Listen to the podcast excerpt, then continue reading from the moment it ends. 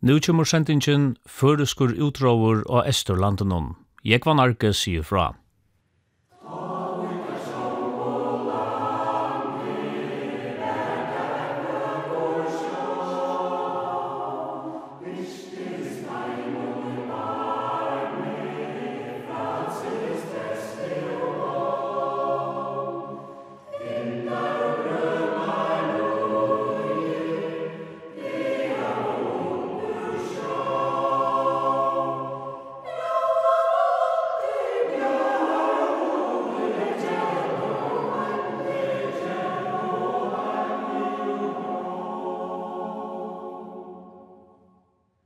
Fyrst og årene etter at farjar og frihandel for menn og felu a kjeipa sær skip til fiskeskapande fyrjun, skjøtt for der eisne ut undan føreska langgrunnen av røynan. Og i 1800 var det nekra røyntir gjørdar under Íslandi, men ter missetna vast allar meir etla minnen. Og i 1836 var sluppen Kap ur Klaksvig, og i Íslandi og røynti vi løyni og snøre, Men så nekvar uisur var her oppe at der omgante finko samband vi land, ei heldur finko der røynt fyrir uise, og nøyte så stata venda atter pura kvasser. Jens Jørgen Kruse for under Osland i juni 1836 vi surprise til Restorf, men han var langt etter av havnene dagen etter. Thomas Johansens Skulvenholse var under Osland vi surprise i 1836. Søgjane for Alexander Midtjord i hove vi lærkjennom til Østlands av fisk i 1841, men han får heldur sent til Orsa sted, ikkje for en kjent september, og var atter av havnen i 2. november. Ønskjer opplyst om fiskeskapen av hesson ture sambart på Nolsøm, Helst hever Alexander rå ut vid bate fra kipenon som hever lige av ankron fyren. Lukter til at fiskerøyndunar under Íslandi misetnavust til lengbommarin Fox i 1872 gjør en gåan tur i Esterlanden ved Baton. Hetta ári hevur tøy verið rokna sum ári ta føresku skipsfiskeskapur byrja í Olvara. Fransmenn og bretar fiska við úti av bankunum, men tað gjørðu føringar ikki. Útlendingarna nøyttist að liggja er ute, tog Ísland hegi trutjar fjóringa fiski og sjómark som utlendingar ikkje måtte fiska innanfyrir, men hetta mark galt ikkje fyrir føringar. Førjar og Ísland var i rujtje saman við Danmark, og som teknar dana kongs høttu føringar som rattende vi Ísland som Íslandingar sjálfur. Søvumenn av Østerlandunnen og i dag smíast ikkje a sia, at bøndene av Østerlandunnen lærte nekv om utråver og fiskavirking av dem føreske utråver av mannen. Utråberen av Østerlandene var bare en vifaninger, en føringar for jeg fiska ved baten fra Kipensøynen av fyren her. Trapp og brøverne løtte foks av Seidesfjøren, som mistøtja tveim om baten og i der rave utvi. Fiskeren var avreitet til Kipet og salta vår ombord. Tureren gikk vel, der får i heim vi fotlare last og selte i Grimsby. Eierar våre brøverne Daniel og Petta Haraldsen av trappene, og lengt færa meveren dia Djurus av vershusnum. Den trije og yngste brauren av trappene Niklas var kommet heim av lengfer vi kipare prekvem, og han var nu kipar av Fox. Hesur fyra kom i 14. juli 1822 av havnena vi Fox, som var målt til 38 tons, og var bygd i Kingston upon Hull i 1844, og var tog ikkje av yngste kipun. Prøyseren var 6.000 kroner, Og medan der var i Ånglande gjørte der seg ut til å fiska i Øslande, så stekkeren heima var stuttur. Fyrsta turen var manningen 12 manns og bataner av iva 2-4 manna før. Fox la fyrir atjere ut fyrir Hanef støvun av seitis fyrir og rávar ut vid luyne. Ta rødde sylda gøtten vi og ta stov ikkje å a få syld til agn. Rávar atra bore hverja fyrtar høtte finnst jo på i Alt var haggrætt og flakt ombord, og 18. oktober var Fox atter av havnene. Og i 1873 var rønt under fyrjun og vare. 5. april var fære til Oslands, og atter i fyrjun var det der 24. mai. Hiene var fære til Litter, Skottland, vid Fiskenund, Av ferene fekk Fox stauran skia i Øtnar vekkren, så hun fóru kjatter til Øslands fyrir den 15. juli. Nå var skipet lagt for i atjere vi skalanes ista seidesfire, etter året fiskavdar 25.000 fisk til samans under fargen og Islande. Annan september var ferdig til Kjeppmannahavnar vi veiene, og her var skipet eisne omvalgt av anslistum. Årene 1844, 45, 46 og 47 rønte folk under fargen og Varen, og fiska i vi baten under Island i om sommaren. Det er gjekst vel fortjallia. Daniel Haraldsen skriva i ui 1888 at vinningeren hei veri gavur öll ærene utan 1873. Han var vaksen ærundan ærem, så at han i 1876 var 35 prosent. Daniel sier så nek hva det der ikkje kunne forvunne vi utråri i fyrjun. Fire måneren vi at hava skip vær, at der alltid kunde fære her som fiskere vær, Tøy hætti han av menn om å få seg skip, og i 1848 får folk seg Esterlandet mot det sumre, men måtte vende atter tøy der slupp ikkje inn av fyrenar fyrir huset. 22. juni får der ivra øren sinne. Vajan fyrir året var 33.000 fisk, Om havveteren kom Niklas av trappen i Ånglande, vi ene så godt som nudjare slupp, og han sjálfur er i kjept, Han kom av havnuna vi i 28. desember, og nært spreit var mål til 24 tons og hei tvermastrar. Og i 1894 får Niklas av Solandet vi Her hei ungen føringur rønt fyrr, færre var tullja og vare, og fiska var fra Møyrebuktene vester mot Ingolshøttan, men fiskeskaperen var heldig laker. Halvan april hadde der 6.000 fisk, men kjenta juli kom der heim vi 28.000. Der hadde eisne røynt oppi av Vesterlanden, om heste for der av Esterlanden. Og i fors var atter ferie Soberlandet. Om 1. april var hilde vester i Breiebuktene.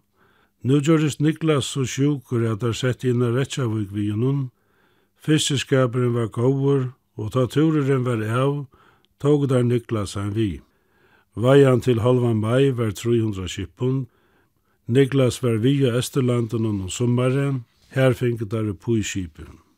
Var i Ajan Einafors fiska i spreit vel under fargen, hene for der oppe av Vesterlandet, her gjørdes Niklas heilt usalier, og av vi ut av ønundar fjørenon tulljo i mai, døy han bor.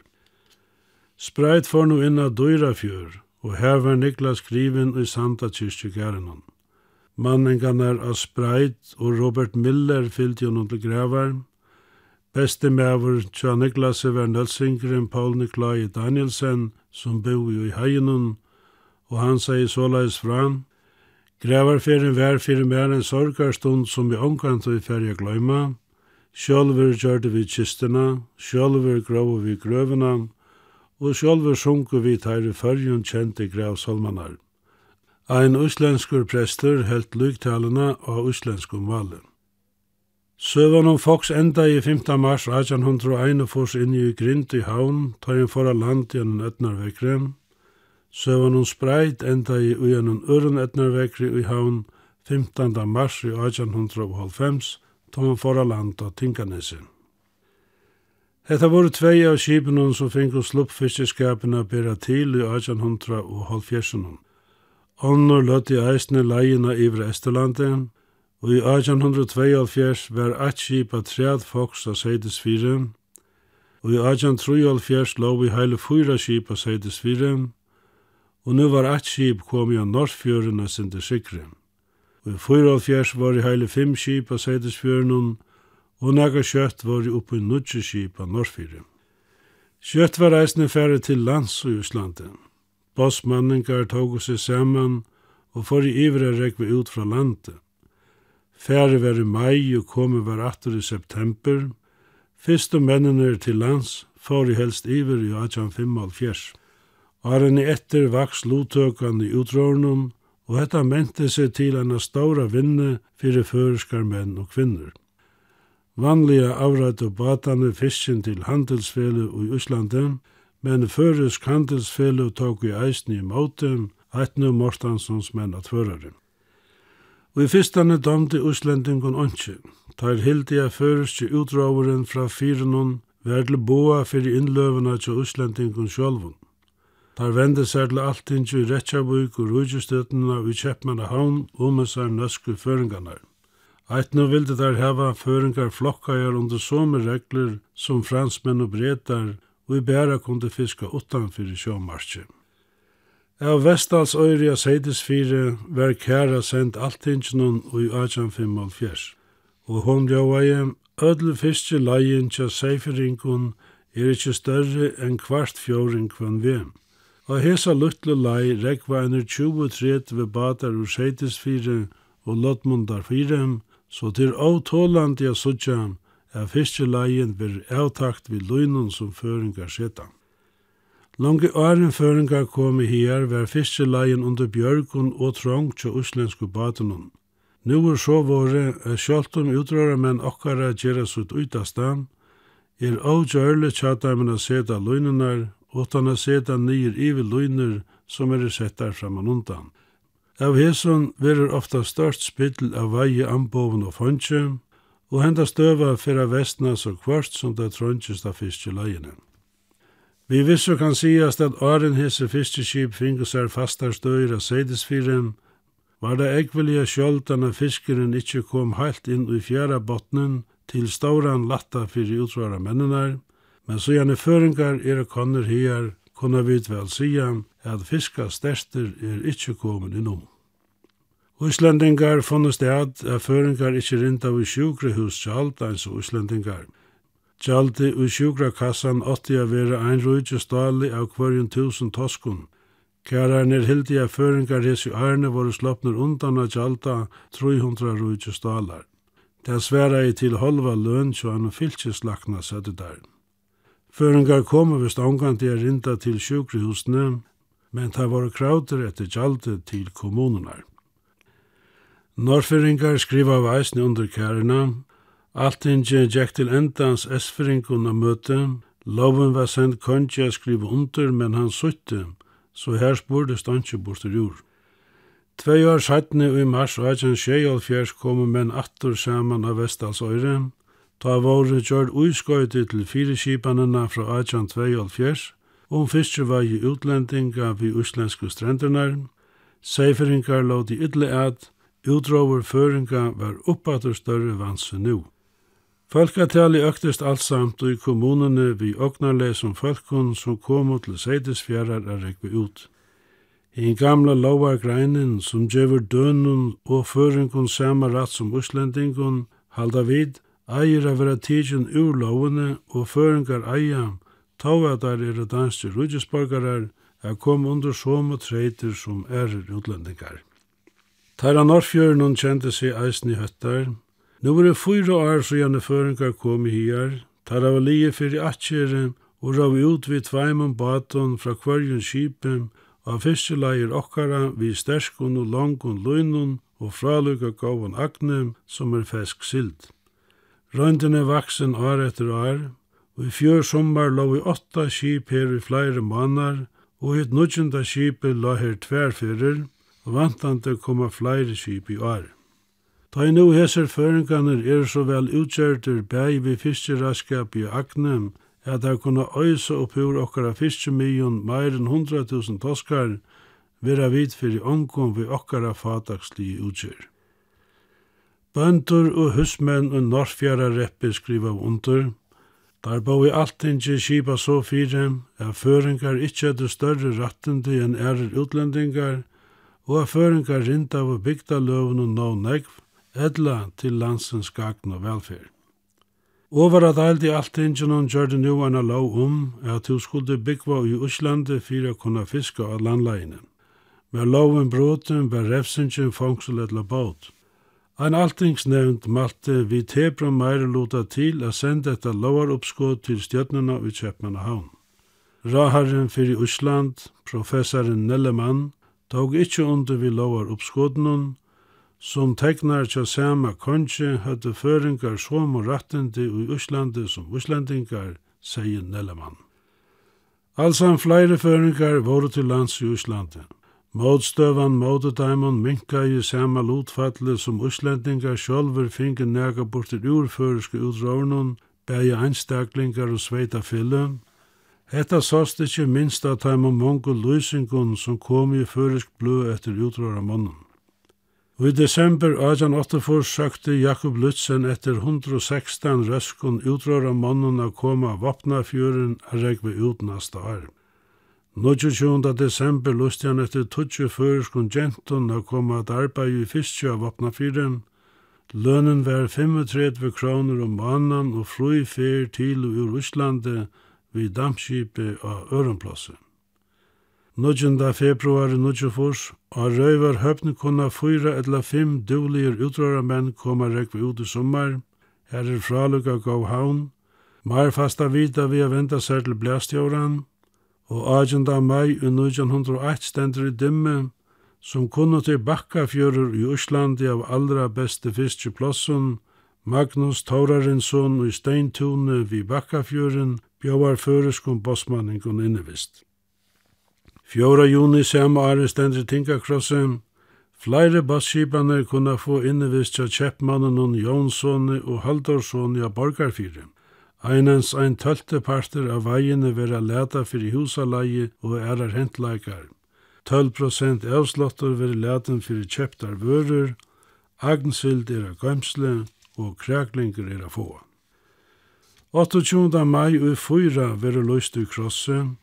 20 menn við batum kunna få góa og avdøyra innevist tja vi Otnasoni og hamnastøvun og Seidis 4. Fiskur og livur vera kjepp fyrir haksta prus og peningren leten i håndena. Om 1800 fors vildi tøyende vera via kanska hundra føringar våre til lands av Sætne var etta tal månande større, tatta i stunden i tusen om året, og nu var det ikkje bæra menn som fara til lands.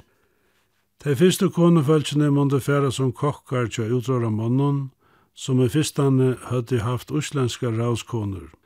Lange i forsunnen fåre nek konefelk i Esterland i at arbeida til kjeppmannen, som kjeppte fisken og lauti han virka. Sigurd Johansen hitte havna konuna Ingo ui Krautje, Mamme Fritz klokkaran i havn. Samrøvan stod vi ute sitta om byggvannen. Inga får langt i Ajan Nudjefors til Uslands at arbeid i fiske. Ja, her hev jeg liva nekve gov sommer i gamlun døvun, var det fyrsta som Inga sier. I halde jeg var fyrsta åre konefølsene var her ivere som fiskagenter. Jakke Lutzen tøkna jeg der fyrir en danskare av åpna fjørnen. Sjål får fóri iver fyrir Østrøm, Han får at kjeipa fisk av seidesbjørnum. Vi hona våre tvær menn, og vid seks konefolk, Ur havn, Greta i Davastove, Nina i Dele, Maria Chapalla og en, og eieskjentene er itir Rekul og Julina. A seides fire hus av oss der av Guldsteins øyre og arbeid i hapnastøyene. Mannfølsene Jens Evensen og Pallia Tankanen, Serde dæma fyrir innevisti og gjennom sethuse er allar seks bo i einare stoven. Østrøm kjøpte fisk fra Føringon og eisene fra Uslendingon, der vaskav og fisken, saltav og rivjan om, saltav og atter, vaskav og torskav. Der finge 35 kroner om mannen, men ta kostav der seg sjølvar. Inga var flere år av åpna fjørnun, her var det badskipaner ur nekvun føreskum bygdun, og fyrsta året Inga var her var i ane trete ved konefolk nekvar ur Kotlafyrir. Der boe av styrkuloftenon allar i ein rume, her var eisen i et annar rum, her der platt i at hava dans leia kvöld og sunnekvöld, saman vi utrara mannenon, eit året var et her 200 og holdt trus i tale. A seidesfjörnun arbeidde Inga seitne tja normannen Torvald Imsland, som hei handel inni i Öld. Der var i fisketjonen og strand. Eit skifti arbeidde hun til vatnebrøren og Seidesfyre og Aredafyrde. Stottligast var av Vopnafjøren sier hun. då her var det så nekver føringar, men av Seidesfjøren var ikkje så gæli helder, då her var det nekver normen, og der var det avfører å dansa. Som fralei var det føringar vuje om med Esterlanden, Da rønte seg eisen i Ærastani i Østlanden, men Esterlandet var landet den beste medkoven Tjadamun, Kjøtt breite der sin norr om av Lenganes av norr Esterlanden og helt sover til Faskrusfjøren og Stødvarfjøren. Tega vi plassene norrande fra, så var det i og Thorshøpn vid Tistelfjøren, Laknasteide og Heide av norresøyne av Lenganese, Skaular av Soversøyne Lenganese, Gunnolsvuk og Finnafyrir innast av Lenganesen.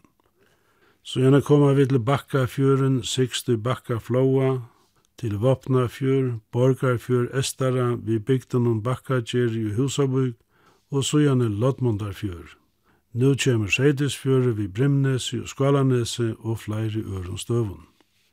Sånna fyrir delatenka var fyrst mjóe fjörur, så gjerne norsfjörur vi Neskøpstegi, Estrefjører og Relarfjører við Karlsgavla á Norr Armenon, og Vatanesi ista sikra armi av Relarfjøren, men høyrande til Faskrusfjøren við Hapnanesi og Bodon, og siksta havnen var av Stødvarfjøren.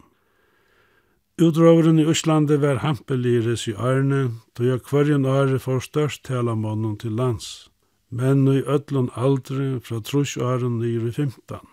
Nekver tilkonner våre varsturen vid sluppenon, men etter stuttan steg heima for der til Uslands er rekvi ut.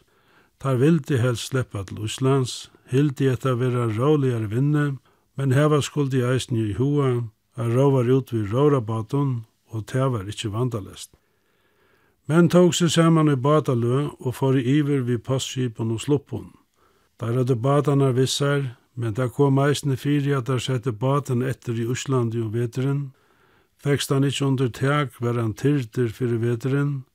Alle ære utgjør hette der vissar, alle han fiskje raskab, sjåklæger og åndeklæger, sonjaklæger og mætar uilud, og sust, men ikkje minst mæt. Vissar høyde der til dømes keks, margarin, kaffe, te, sukur, og hver mever heia sindra kjerpekjøte vi til sunn sjåls, annars var kostene mest fiskur og livur. Løyde er til tega fratt fra bonden som var til lands fire aldarskiften 1900. Men i væran og var eina fyrir brenta samrøva vi Andreas Paulsson av Stronton, som var fyrste fyrir til lands i 1898. Søymen Paolo Johansen nevndur Søymen vi kjeldi av Stronton tåsa i vian. Om 20 manns var i uje som fela, så nevndu Stora kompanoi, Råvar ut av borgar fyrir Estara, norran fyrir Seidisfjør, Færre var iver vi postskipen on Ceres, Veste eller Øron som ta sylte mellom Østland, Førje og Danmark. Adler 20 boi i einon skure. Kjeppmøveren som kjeppte fisken åtte skuren, loft var ånon, her oppe svove seks manns i bauli av gulvunnen, og hattene nir under var kamar vi seks tvøymannskotjon, her hiner tølv hilde til, Lødel gongt var at henka i rui, ein kabus var til at hita rume vi, og primus var til matjer. Fyrra parten av somrunum brukte der snør jo pilk, da silten var komen rundt der mest vi løgne. Arene våre bæg gav og ring, best i arene finke der 600 kroner i part, men stundum var urskoman sera vanlig, at året var parteren bæra 45 kroner. Svimmen vi kjelte var til lands vi sama batalea borgarfyren. Det var tei tru årene fra 1912 til 14. Sambart honom låte der batana standa sædesfyre, men atler komi ikkje under teg om veteren, da der komi iverattur var det fyrsta av vaska batanar og få alle utgjeren inn i baden, så der kunne halta leina fram norra borgarfjør. Jeg sædesfyre av borgerfyrin var det tredje fjøringar, det var lengur råur. Da var 15 år, våre mellom fyrsta året til Andreas og fyrsta året til Søymene, våre omstøvnar av borgarfyrir ikkje brøttar, enn var sama lenting og sama skurer, og inni i skurene var ikkje brøtt, Mæteren var ekvelige fabrøtter, kanskje hadde der nøkker epler vissar heimanfra. Utrovene sjálfur var hør vinna. Ta råvi ikkje ut sånne dagen, Da var vanligt å lesa lester, Ærar uppeløve der var hjelp av fiskereiskapen og badanar. Klægene var i eisne vaska og omvald. Lendingen var ikkje gau. Bratt og illgångt var oppa av og bakkan, og allar fiskeren var boren igjen av. Av bakkanon var fiskehus og vekt, så fiskeren var selder overskaver. Øslendingarnir som strandingarnir handlavu vi røyndist heim og vel, Men Søymen helt ikkje esferingar vera særliga duligar utråra menn, at det måte helt hana vestmanna øyngar våre bægi duligar og kappingar hoair. Tei årene Søymen var i Uslandi var parteren tjata om 400-600 kroner, Der fóru 1. juni og kom i atter 1. september, og vissar heim høyde der krak og byr til bøtnene. Det var mellom beste dier av åren og heima, da mennene kom i heim vi som lestjelige byrun. Sire gode menn var jeg borga fyrir estara og gjerne tredje vi er. Eit av nøvnen var Salaman Gregersen, som var fyrste fyrir i 1896, og seinaste fyrir helst i 1926. Annor nøvn ur Goethe var Daniel Paule, Ivalest Poulsen av Kipasnesen og ein Paul Johansen. Der var jeg kvarjen og herre inne i heimspartian, men det slittna i sundur omstruslo. Kjøtt kom der atter og var jo kvossier til 1926, da skatter for det senaste fer var krauter fra manningene til Salomon til samans 120 kroner. Der høyde just som i omstøver som strandingene. Fjøreren var stottur og åpen fyrir hevattene, men det der var ikkje og stått for rekva. Der var jo om fjører til uttale av borgarfire i 1895, og 42 i 1906, men oftast var der om 30. Søvefrøyngren Magnus Helgason sier at føringar fiska av monande meir enn borgfyrringar. Der høtte bægi større og bedre batar og fiskeligare raskab, og heimamenn tok i etterdaimann. Hesi ærene hei føres i utdrauren stóra avverskan av futjastøvene tja kommunene som batna i allmidjen. Vølmundur Torsteinsson helt føringarna vera fralukar menn. Han myndist ønske til negra avsemje mellom teir og heima menn. Føringarna var fatatjer, krav til luite, var heierlir og gaur fiskemenn. Da der favri om heste, byrja av der ferina vi Solmasanje. Som vi høyte hoa flenna ta. Men jeg var så bergtigen av at jeg lusta vi andakt etter sangenon så langt som han hørdest. Sangeren var kanskje ikkje den beste kårsangeren, men Gvødmund og Torstensson helt herre Abbor vittna om sannkristnar menn som han tok til. Jeg har vært av borgar fyrir Estaran. Jeg kan våtta at lendinga og arbeidsvierskiftene var ikkje av dem en høgligaste, men ta gøte menn og strandingar trives her så landje, så måna der hava sitte vel her kortene. Okkur hus som der boe og virka av ui, stå oppe fyrir 20 år sujane, men nu er alt til affæren. Ein mevor som hefur sagt for utdrauri av Esterlandenen er Lias Hansen, Ludjas av fløttenon i Syregøtten. Han råi i samfodl 4-3 vi år ut av bakka fyrir nega norran fyrir borgarfjörun. Han var her fyrste fyrir 1906 og seinaste fyrir 1924. Tar var i oftast 11 mans i sama bata fela, men stundun bara fyra. Feren iver kosta i 20 kroner, hilde var til i lastene vi ötlund raslunun, Jeg var trångt og svevneren lytil og ønsken, mennene høtte mæt vissar og finge vi kvørst te eller kaffe fra manningene, ofta finge da kortene kvørst jo vått eller torst, men ferien tog ikke mer enn 36 timer, så det gikk onkurs vegna. Av bakka fyrir boi der i nudjon timperhusen. Hetta var i åtøtt hus vi nekvun jastrem, så taiman domde nek betre av veri dem gamle uslenske malthusenon.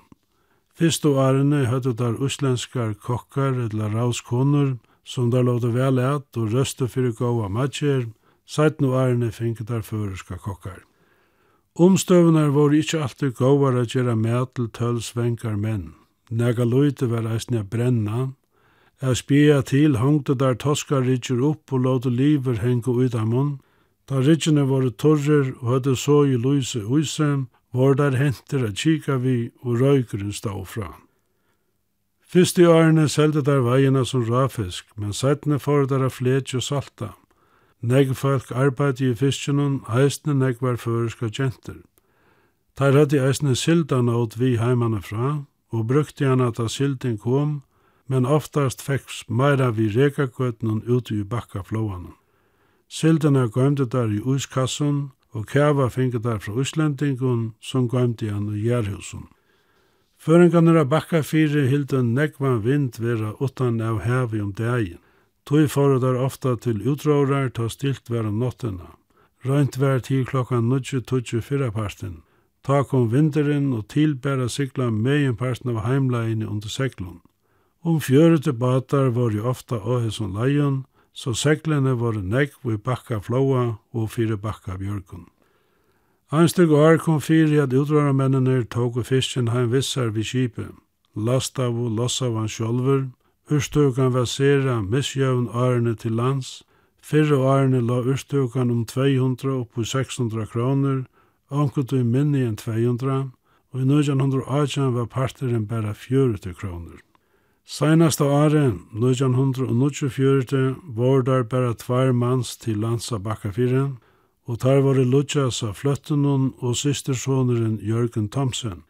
Der fiska var vel, flakt og selte fisken, og hovas kronan minka i nyr i 24 danskar 400, finge der 2000 føreska kroner i part. Seidesfjörren var høvesfjörren av Esterlandenon, han var middebelen fyrir samfertene vi omheimen, Komu føringarna vi postskipet, lødde dei ikkje eit norran fyrir Seidisfjøren, og tog nøytist der er rekva langur norrur edla få sleip fra onkron bate til kjeppmannen som der fiska var fire. Vid den lenga Seidisfjøren var i eisne møveleikar innanfyr i høvestøynar Brimnes og Skalanes, utan at det var allengt der rekva fyrselei. Einasta steg i Seidisfjøren her unger utrara menn boem, var inne i sjølven botnenon, då i hene var alt og lengt av fiskelei. Sigurbønde Jonsson av Brimnese vette nekva mannen innevist av borg og borgarhotle.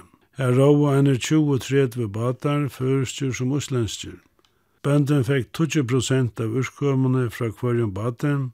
Han lante rujun om 25.000 kroner til fyrsta elverka Esterlanden. Som fralai foreføringar eisne til lands vid deksføren vid motoren.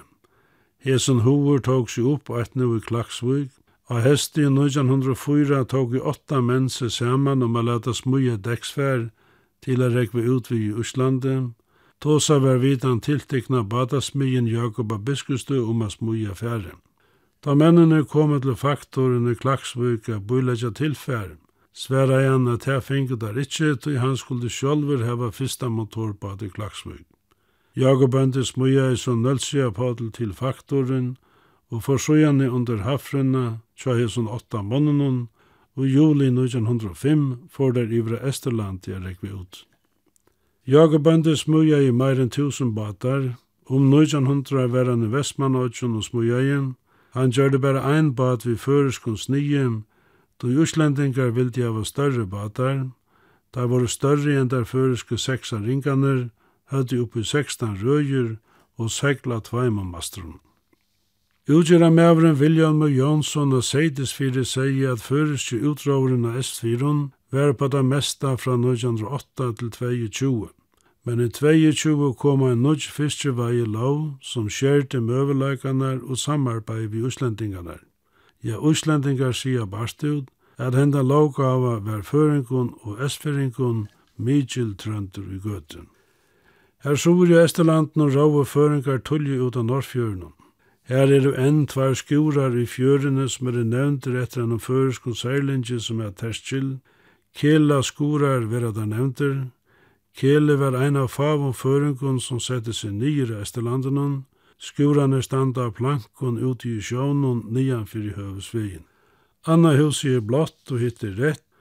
Omanfyrir er steanavnet Kela hatt Mæveren eit og brunalia Terkel Johansen, han var attaver ur havn og var fødder i 1848. Eit skifte var han til hus til gamla smia Arjun, Arna for til Uslands. Her kom han at eies av skuranar som kundi husa tølv og i vesthuginen. Fyrir aldamåte lette fyrir sér utroramenn til brotts av Faskrosfyren, Naga sættene sette der seg eisne vid reda fjør, Og vattanes var sur armenon av reda fire, men hørte til Faskusfjøren. Her var en nekve batar, og tar var landje. Kjendaster var larveskinkar ved Johan Peter Eliasen Otta. Onkur sier at han var ikke minni en tjei tret vi åra vattanese, så han kjente seg heime her. Han søver om at han vildi ikkje tryggva du til Østlendingar vi løyvelden og i 1944 skikva av alla føringar ut om Østlenska fyrstjumarkje. Han var valgt i en sendenen som får til Østlands a røyna a få nudjan sottmalan, men her var anki a gjerra, Østlendingar vildi trøyta allar møvleikar i Østlandi sjolver. Seinast Arja Vattanese var Johan Peter ikkje vi, men han var vi Vianese som syner hans råtten, Da var det fyrste skapet Esterlanden og var igjen i ørendi inn i S24. Av Vattaneset tok av skipet mot fiske, ta Vianes kom ut etter fjøren. Attan fyrir styrebors vante stod gamle bossformeren ur Lorvøk. Han helsa i gåvan det, gåvan men menn vaktravom, og han løte brås av gamle kjenningar til korannan. Vianes held fram sina leid til fiskeskap, Johan Peter stod i vante og vattreim, Farvel, røpte han. Det var hans av seneste helsen til gamle utrørastøyene og følte som her boen. Når han til å reida fire var Karlskalen, henne var kona Johannes Bande Kyrkjebøen, Sister hennara Paulina var kona kiparen hans mor ur Høyvig. Han hei vere vi slå på Esterlanden og måtte hava hitt Paulina her. Gvøni kom til hennara af feraste fyrjun, ta var fast mellom henne og den unga Johannes bønda. Pabet herra var Einar bøndi Bjørsson, han leia i eisne utdraramånen husa byggva og virka ui, og skuldi eisne få sutt bortur jord. Middelen Reidafjøren og Seidisfjøren er Mjøvefjøren, og i 1913 sendte gamle Samal Peter Fugla fire fem og tårpater her rekve ut, Fölkje boi av en nylagdare kvelastøm, Fiskeskaperen var ikkje góður og fullfringane for å tullja heimater, men ta pitte, sama Peter junior hei selt fisken, stå nøkke lunda oppe nyer. Og i 1914 kjepti SPP kvelastøyna sama vi henne bønda. Nå fiska vi tvær motorbadar fyrir egna rokning vi lutsja seg vi Jack var som formanne, Og 1915 høyde der Lutland hoa færa atter til Íslands vi badenon, ta for gamle Samal Petrus sjolver iver vi kunia sluppene valdarrøn og hei badar vi, nu høyde der stø av vopna fyrir tog fiskeren stå som norralia, og der fink jo på i kipen. Under Lenganese var den stavre utrørarstøyen skaula der røpte.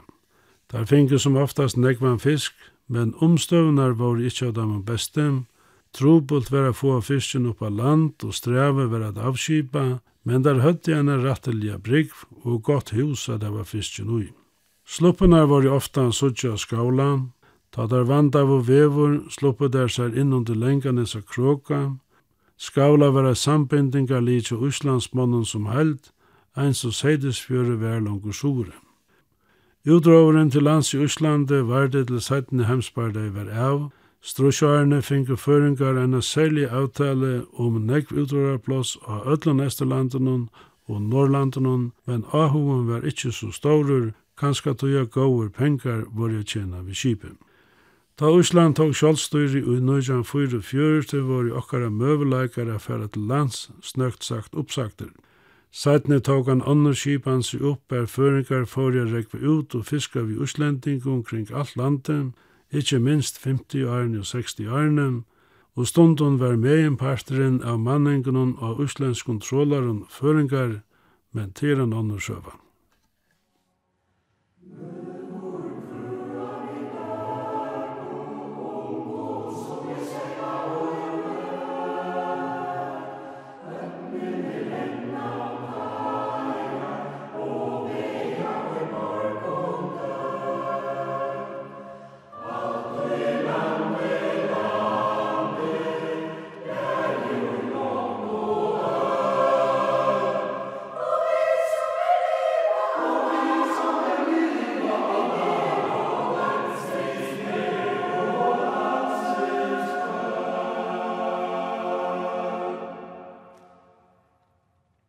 Hatta var sendingen føreskur utrover av Esterlandenon.